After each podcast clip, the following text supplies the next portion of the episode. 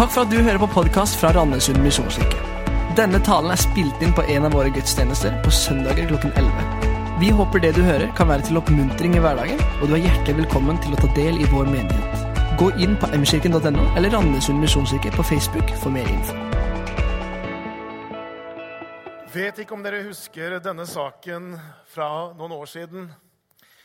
Men etter at Jesus-kafeen på Karmøy i Kopervik ble lagt ned, så har Sten Sørensen og kona valgt å beholde dette skiltet på veggen som et symbol for hva de tror på og hva de står for. Jesus er livet, står det. Og så vekker det sterke reaksjoner i denne bygda. Det er sikkert de på Karmøy som syns dette er flott, og et flott skilt å ha på veggen.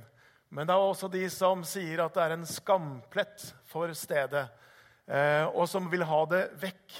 Og Derfor så har dette skiltet blitt forsøkt skrudd ned flere ganger. Eh, og når dette bildet er tatt, så er det noen som har vært oppe i stige og malt over alle bokstavene, sånn at de i hvert fall skal synes minst mulig.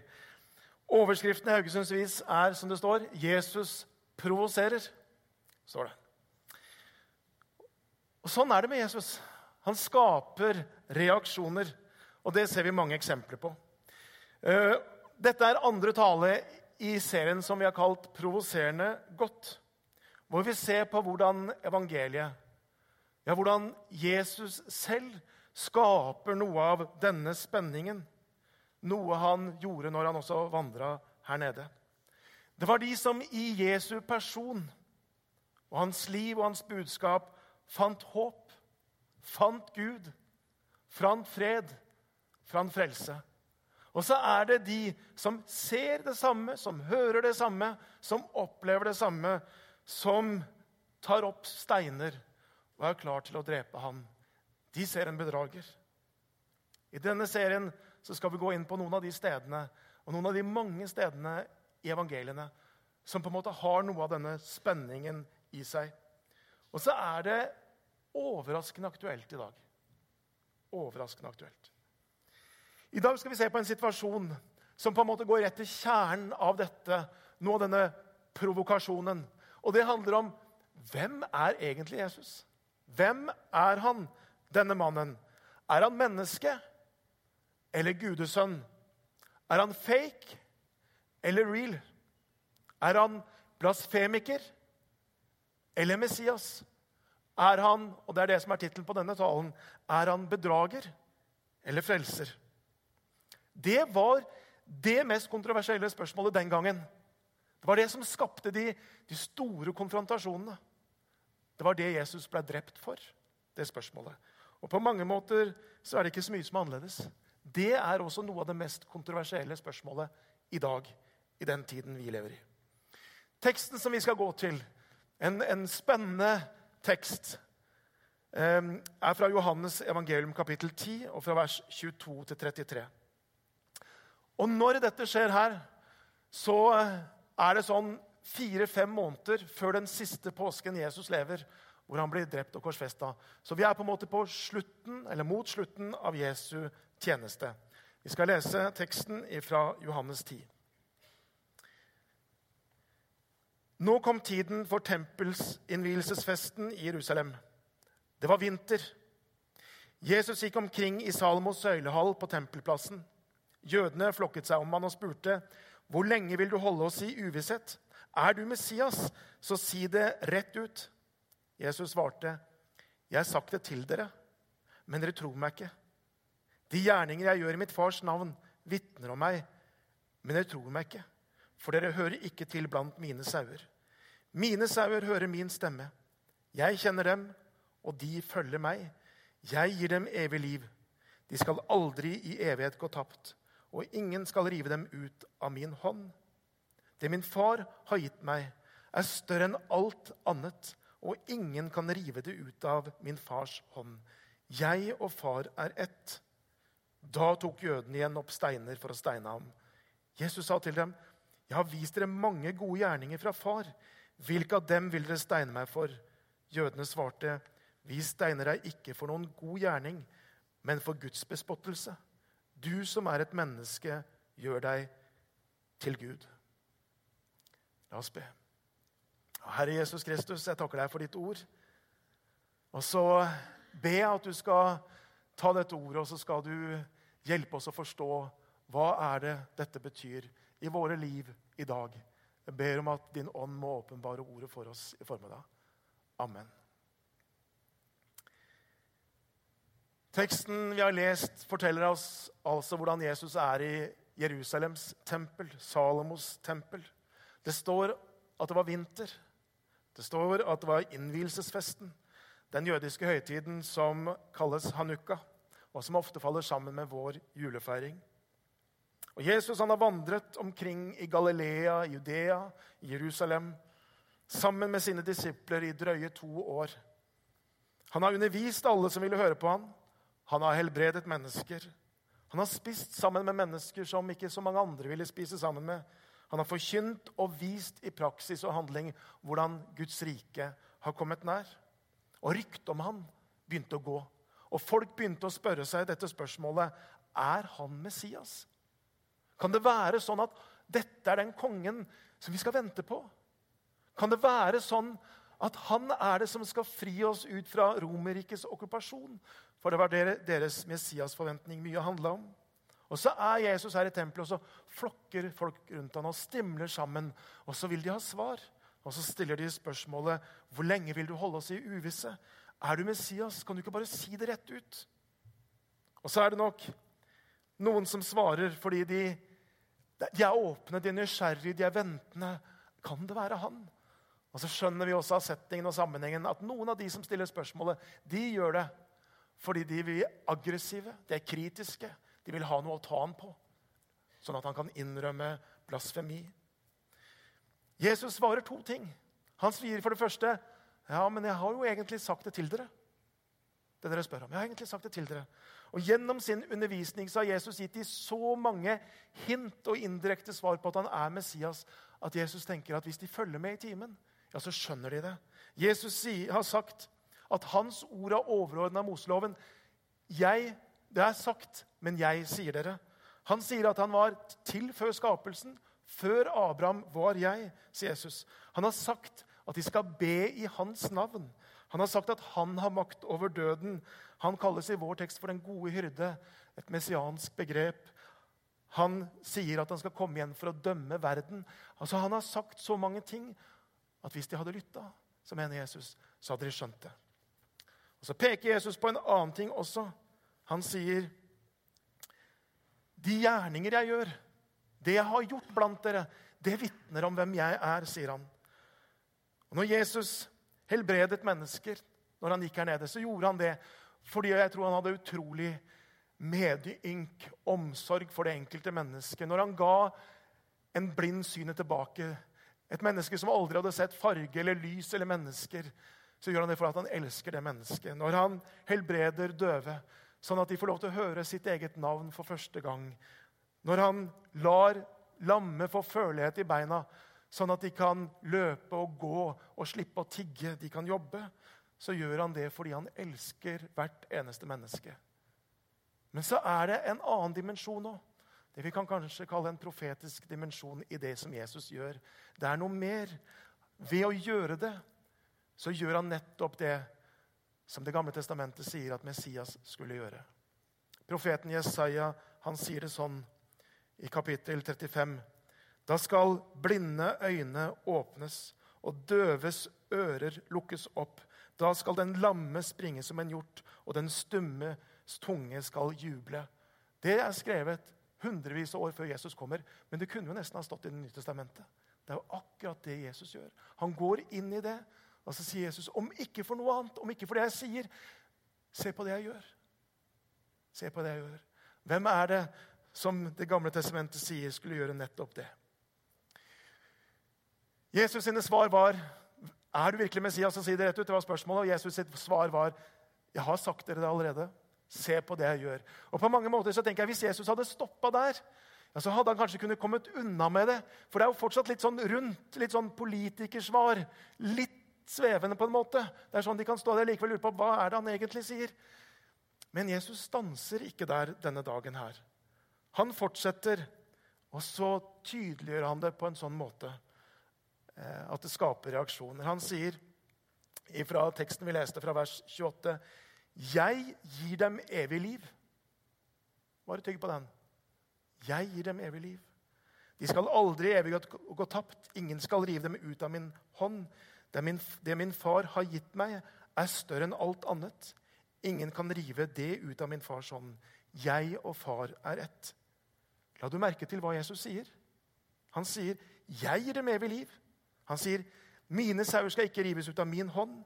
Han sier, 'Det min far har gitt meg, er større enn alt annet'. Han sier, og min, 'Jeg og min far er ett'. Og så tenker jeg, Det der er jo ikke direkte med på å roe gemyttene på tempelplassen denne dagen. her. Det er liksom ikke akkurat liksom olje på vannet og utydelighet. Det er liksom, Han sier det bare rett ut, sånn at de skjønner nøyaktig hva han mener. Og så står det da tar jødene igjen opp stein for å steine ham. Det skaper denne provokasjonen når Jesus sier og tydeliggjør hvem han er.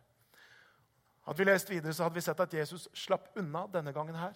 Men det er også bare noen måneder seinere, når vi kommer fra desember til april dette året, ja, så er de der, og de klarer å drepe ham. Folkemengden roper 'korsfest, korsfest', og så blir han tatt av dage, og de tenker vi er ferdig med det. Alle som møtte Jesus den gang, alle som ble introdusert for Jesus, ble på et vis stilt på dette valget her. Jesus med sitt liv og med det han sier, så er det som han nekter folk å på en måte være nøytrale i forhold til ham. Han stiller dem på valg. De er på en måte nødt til å på et eller annet vis bestemme seg.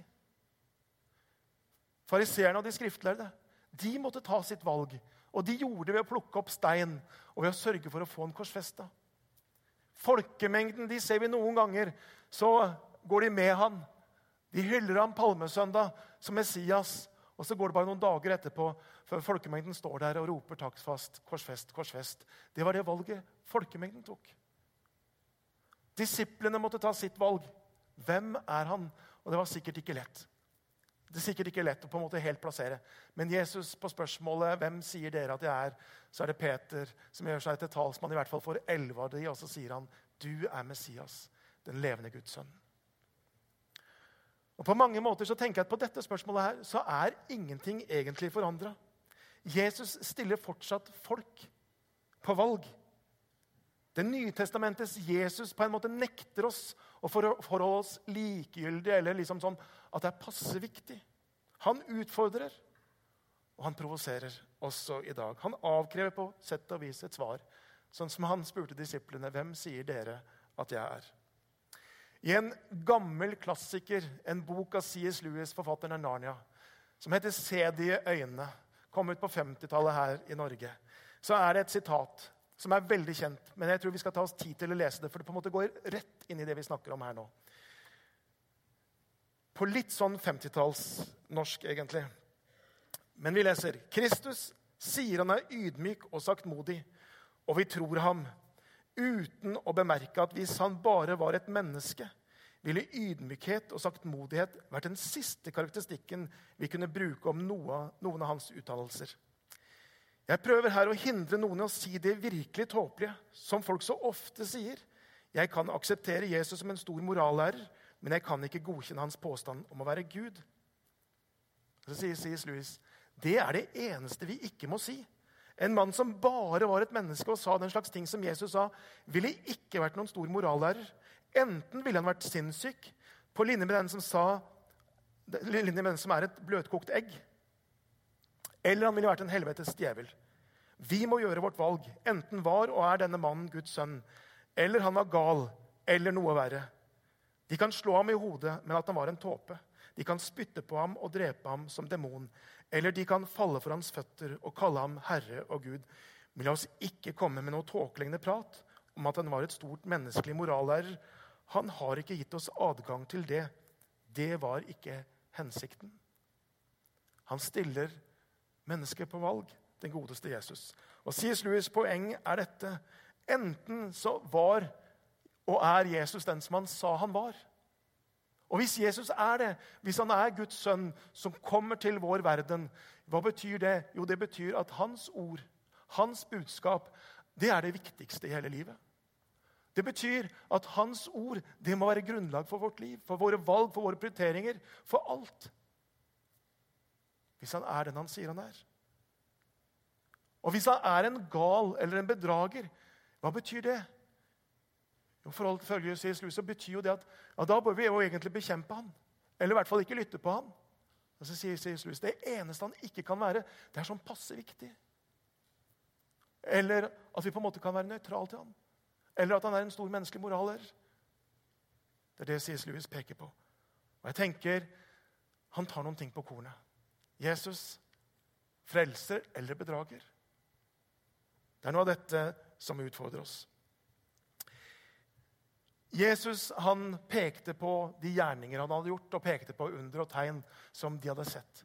Men så tenker jeg noe av det som vitner om hvem Jesus er, det er også noen av de fruktene som vi ser i samfunnet etter Jesus Kristus. Etter at han levde, døde og sto opp. Noen av de fruktene fra hans liv. Og hva er det? I valgkampen denne høsten så har kristne verdier plutselig blitt veldig på en måte aktuelt. Har dere lagt merke til det? Det diskuteres, og det, de, de, de, fleste partier ønsker på et eller annet vis å fortelle at akkurat deres verdier er kristne. Og på samme måte fortelle at nettopp verdiene til det andre partiet de er ikke-kristne. Og så har det vært debatter om det her. Og Et interessant bidrag var på NRKs valgsending forrige torsdag. Da var det Harald Eia som ble bedt om å forklare kristendommens innflytelse i det norske samfunnet i debatt med Vebjørn Selbekk. Og Eia sitt kronargument for at kristne verdier ikke hadde noe å si for livskvalitet i et samfunn, det var denne plansjen som vi kommer opp her. For denne plansjen her, der er det 20 av, de, eh, av, av verdens beste land å bo i. Der folk er lykkeligst. De 20 er lista opp. Og så hadde Eia ringa inn da med rødt de mest sekulære landene i verden. Ut ifra en eller annen definisjon som jeg ikke vet hva er. Og så på en måte var hans kronargument det var dette Se! Se! Ikke sant? På ei avis. Se at de fleste av disse landene hvor det er bra å bo, det er også de mest sekulære. Og så tenkte jeg, når jeg så på den lista på TV, så tenkte jeg vet ikke om dere klarer å se det, men det er jo da Norge, Danmark, Island, Sveits, Finland, Nederland, Canada, New Zealand, Australia, Sverige, Israel, Costa Rica, Østerrike, USA, Irland, Tyskland, Belgia, Luxembourg, Storbritannia og Chile. 20 av verdens 200 land. Det er 10% Det som slo meg, jeg tenkte alle disse landene her, bortsett fra ett, så 19 av 20, har hatt en hundreårig og noen ganger over 1000-årig historie med å være et kristent land. Det er det som slår meg. Mange av de har korset i flagget. De har en grunnlov som i utgangspunktet er bygd på kristne verdier. Det er et samfunnssett som er bygd på, på, på de kristne verdier. i utgangspunktet. Og så tenker jeg Det er rart at ikke Eia ser det. Nettopp det. Og jeg tenker, Istedenfor å vise at de ikke har noe å si, så tenker jeg det viser nettopp det motsatte. At land som er bygd på århundrer med kristne verdier og kristen substans, så gjør det faktisk noe med livskvalitet og med lykkenivå i det landet. Og så er det en sekulering. Og så vet vi ikke hva det betyr om 200-300 år. Det er riktig. Men historien til disse landene er at det er en lang, lang kristen tradisjon. Rodney Stark er en religionssosiolog som jeg syns er interessant å lese. Og Han siterer bl.a. også en, en uh, jail-historiker som som heter Jaroslav Pelikan, og som sier følgende Uansett hva en personlig tenker eller tror om han, så er Jesus fra Nasaret den dominerende skikkelse i hele den vestlige kulturhistorie i nesten 20 århundre. Hvis vi med en slags supermagnet kunne ha trukket ut av historien alle spor etter, denne, etter hans navn, hva ville det egentlig blitt igjen? Og så sier Rodney Stark Så vidt jeg vet, så er han ikke i hvert fall en tradisjonell kristen, men han sier den vestlige suksessen skyldes i stor grad påvirkningen av Jesus. Verdier som frihet, fornuft, velferd og demokrati er verdier som direkte kan ledes tilbake til Kirkens og Jesu påvirkning på kulturen.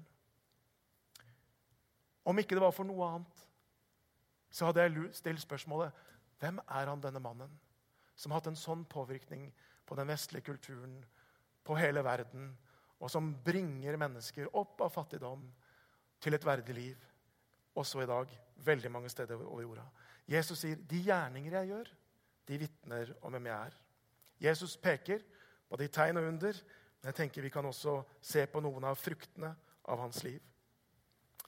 Det gikk ikke lenge før den kristne kirke, Jesu disipler, opplevde at den akkurat som Jesus provoserte sine omgivelser.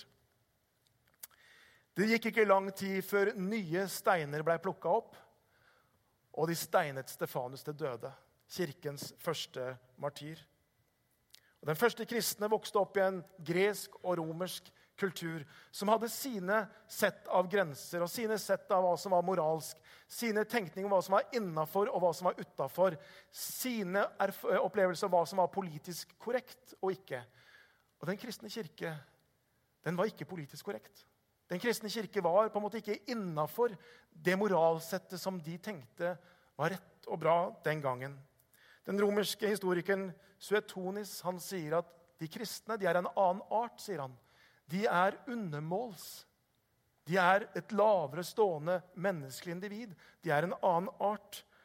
Og Teologen Tim Keller han sier et sted noe om de tingene som romerne og grekerne reagerte på. Det var bl.a. dette at de ville ikke gå med på blodige gladiatorfester, altså hvor mennesker og dyr ble drept.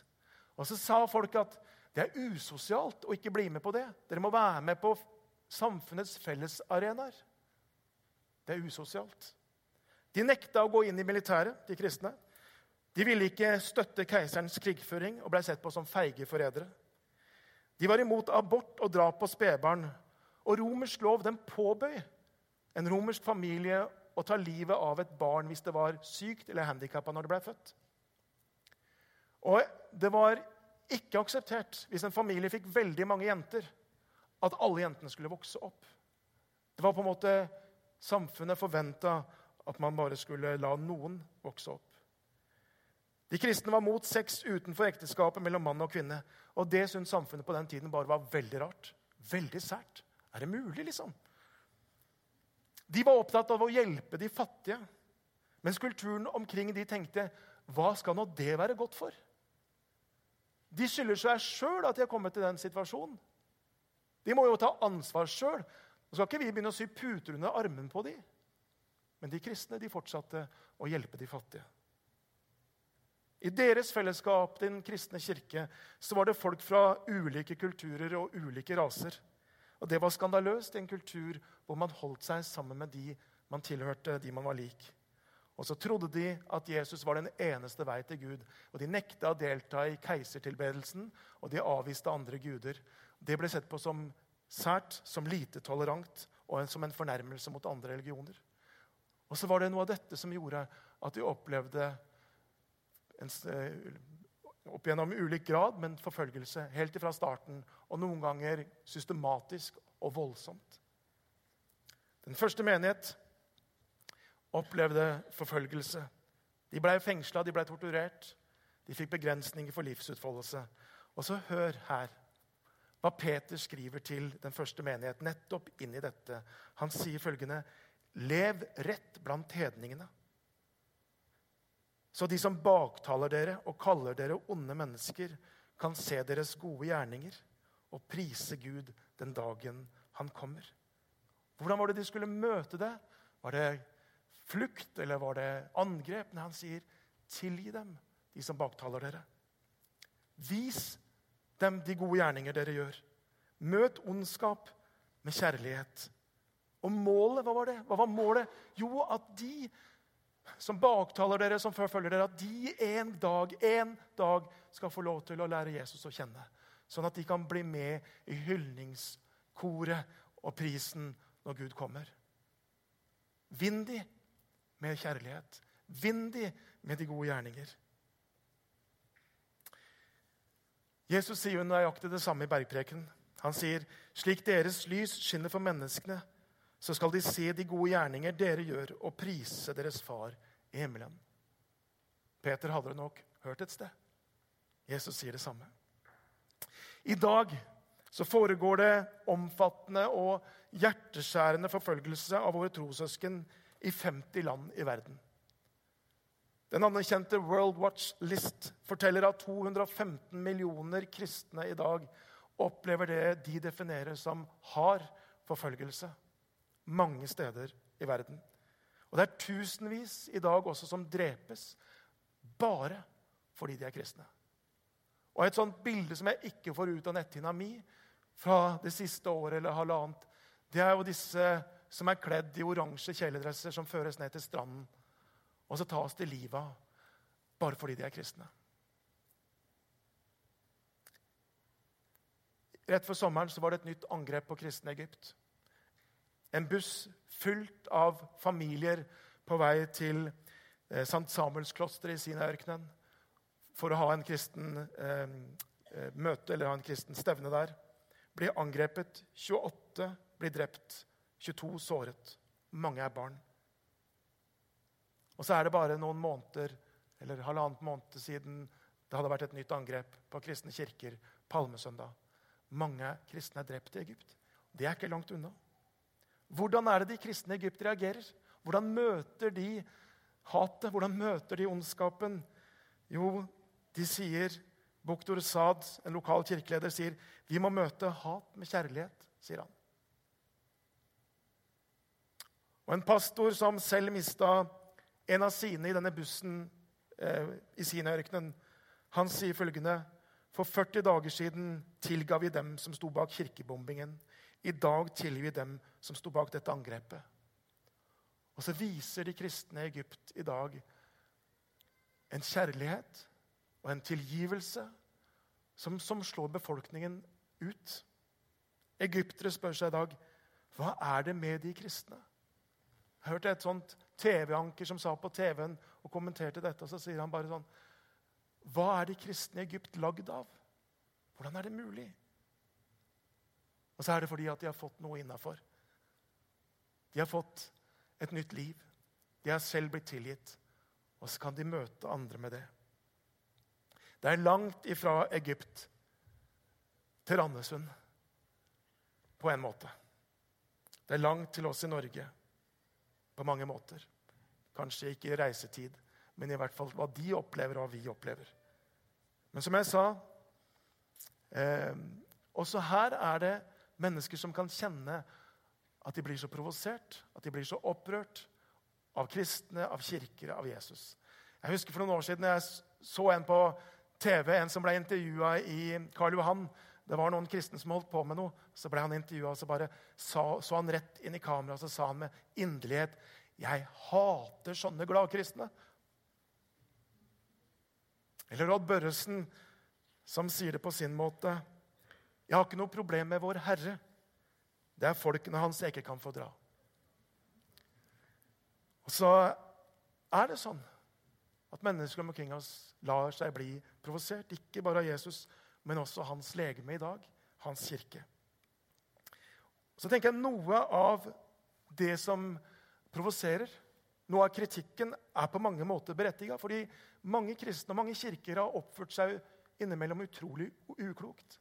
Mange har stått for nettopp maktovergrep eller sett gjennom fingrene på andre typer overgrep. Og så tenker jeg Noe av denne kritikken som vi av og til møter, den er berettiga. Så må vi ta den på alvor. Men noe av provokasjonen er der også fordi Kirken representerer noe annet enn det politisk korrekte. Noe annet enn det som er kulturelt akseptert. Det er også noe av provokasjonen. Og som en sa en gang hver gang når kristne har tatt til seg verdiene, holdningene, tankene som finnes i evangeliet om Jesus Kristus, så blir vi fremmede og utlendinger. Den sanne kristne kirke er alltid motkulturell. I alle kulturer. Fordi vi står for noe annet. Så er spørsmålet hvordan skal vi møte det? Hvordan kan vi leve i det? Så tenker jeg Noen ganger så er det viktig å stå opp, og at noen gjør det og forklarer og forsvarer. Det var sånne forsvarere allerede i den første kristne tid.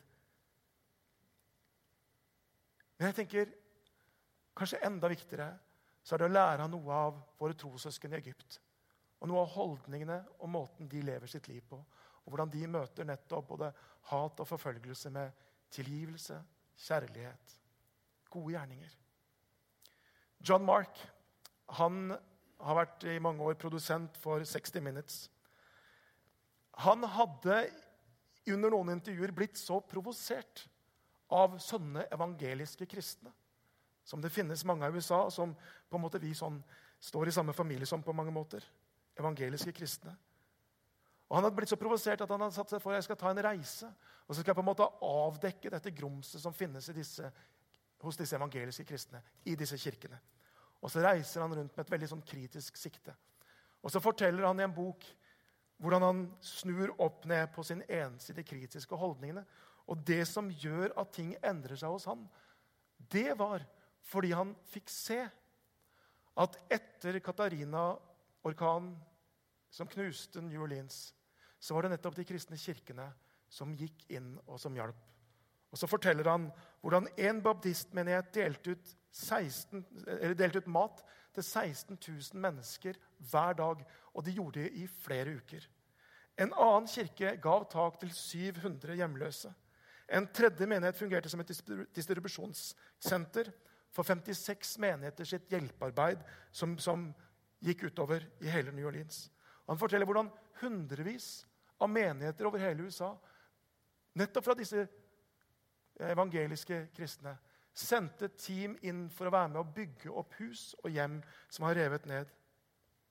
Han sier det er de utskjelte evangeliske kristne og de konservative katolikkene sier han, som var de første til å gå inn i denne katastrofen her. Altså han sier det er også de som sto igjen og hjalp når myndighetene hadde forlatt på en måte åstedet. Han sier at det han reagerte på, var at disse menighetene de hjalp alle. På tvers av rase og på tvers av andre grenser som måtte skille. Og I størstaten i USA så er det en del av de grensene. Og så gjorde det noe med han. Og så sier han i et sitat følgende Jeg vil påstå at dette ble et vannskille i amerikansk kristendomshistorie. Ingenting taler mer uttrykksfullt til troende og til oppmerksom ikke-troende enn sammenligning mellom de gode resultatene oppnådd av kristne frivillige og den massive fiaskoen til de offentlige myndighetene sto bak. Orkanene hadde avdekket en svakhet. Stadig flere kristne har forstått at skal de gjennom, gjenreise, gjenvinne Amerika, må det skje gjennom tjeneste. Troen formidles ikke lenger best gjennom ord. Den beveger seg på gjerninger. Og Så ble han aldri noen troende, aldri noen kristen, men det gjorde noe med bildet hans. Og det som gjorde noe med bildet, det var å se de gode gjerninger. Husker dere hva Jesu sa? Som jeg leste i stad, Matteus 5. Slik skal deres lys skinne for menneskene, så de kan se de gode gjerninger dere gjør. Og på en eller annen måte på en eller annen måte så er det en linje, på en eller annen måte så er det noen punkter som følges, sånn at det gjør at de kan prise deres far i himmelen. De gode gjerninger dere gjør, på en eller annen måte så gjør det at de kan være med i lovprisningskoret. Vi avslutter nå to utfordringer i dag. Det ene er hva gjør du med Jesus? Om vi tar han på alvor, så lar han oss ikke være nøytrale eller sånn avmålte i forhold til det. C.S. Lewis snakker om at det er et sjokkerende alternativ. Enten var og er denne mannen Guds sønn, eller så er han gal eller noe verre. Peter faller på sine knær og bekjenner du er Messias. Og Hvis det er vår bekjennelse, ja, så er det ingenting som er viktigere enn det. Det er viktigst av alt. Hva han har sagt, hva han har betydd, hva han har gjort. Viktigere enn alt annet. Så mitt spørsmål er hva gjør du med Jesus? Du kan få lov til å velge han i dag. Du kan få lov til å velge han på nytt i dag. Hva gjør du med Jesus? Det er det ene. Og det andre det er dette. Hvordan kan vi være med og gjøre det som Jesus snakker om, å vise Guds kjærlighet i praksis? Hvordan kan vi la våre lys skinne? Hvordan kan du, der du er satt, ta den kjærligheten som du har møtt, og gjøre den konkret og praktisk på en eller annen måte? Hvordan kan vi som menighet på en måte vise Guds kjærlighet i dette området hvor vi er satt? På en måte, Hva er de veiene?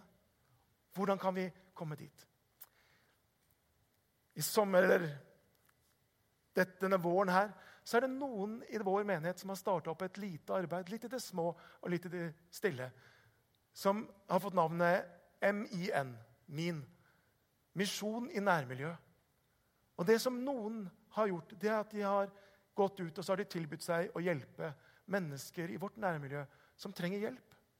Og noen som ikke kan klare det sjøl, har fått hjelp til noe i hagen, noe inne i huset, noen ærend, noen praktiske ting. Så jeg tenker jeg ja, det er en sånn måte å kunne få lov til å la vårt lys skinne og vise noe av disse gode gjerningene, vise noe av den kjærligheten som Gud har gitt vår. Og så tenker jeg, Min utfordring til deg det er innenfor en høst, innenfor et nytt år Hva er din vei i det? Hva er din vei? Hvordan kan du ta det du har møtt i Jesus Kristus? Gjør det håndfast og konkret. Og Vi ber Herre om at Han må lære oss å finne de veiene. Lær oss dine veier, skal vi be. Kjære Jesus Kristus. Jeg takker deg, Herre, for denne teksten og jeg takker deg for utfordringen. Det utfordrer oss alle. De kjenner det utfordrer meg. Og så har jeg bare lyst til å be at du skal virke i våre liv. Jeg har bare lyst til å be om at du skal tale inn i våre liv om hva som er viktig, og hva som kanskje egentlig ikke er fullt så viktig. Må du hjelpe oss til å finne de gode veiene der vi kan få lov til å gå din vei med vårt liv. Jeg ber, Herre, at du skal lære oss dine veier, Herre. Lær oss dine veier.